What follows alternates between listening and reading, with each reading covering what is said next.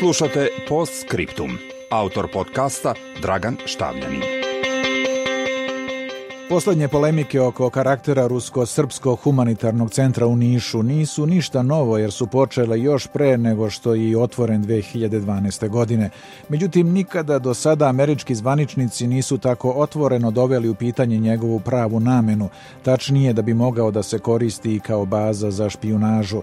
Rasprava u Senatu o Balkanu, u kojoj je bilo reči i o pomenutom centru, očito pokazuje da raste zabrinutost u Vašingtonu zbog ruskog uticaja u regiji.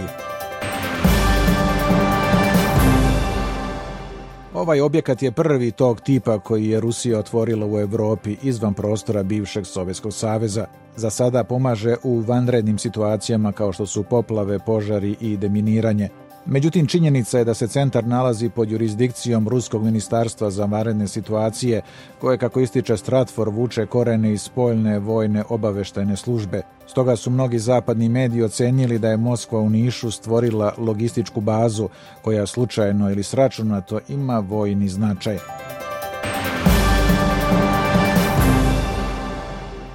Bonstil kao jedna od najvećih američkih prekookeanskih baza nalazi se na svega 100 km vazdušne linije od Niša.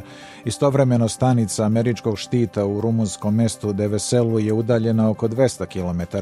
Također centar je pozicioniran blizu nesuđene trase gasovoda Južni tok, a procenjuje se da bi tuda trebalo da prođe i Turski tok.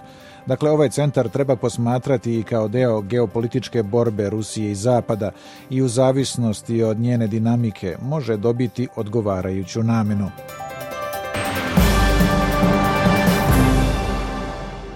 Zvanični Beograd odugovlači sa davanjem diplomatskog imuniteta ruskom osoblju u centru, kao što je već odobrio pripadnicima NATO-a koji prolaze preko teritorije Srbije.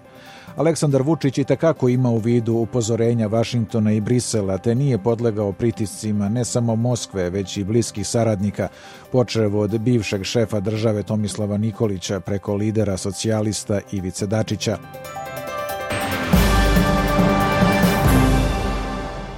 Odnos Srbije prema ovom centru je, kako naglašavaju vlasti u Beogradu, simbol i potvrda njene uravnotežene politike prema Rusiji i Zapadu i vojne neutralnosti. Međutim, ta vojna neutralnost koja ide u prilog Rusiji otežava Srbiji približavanje Zapadu, pre svega Evropskoj uniji, jer neutralnost u tom konfliktu nije moguća.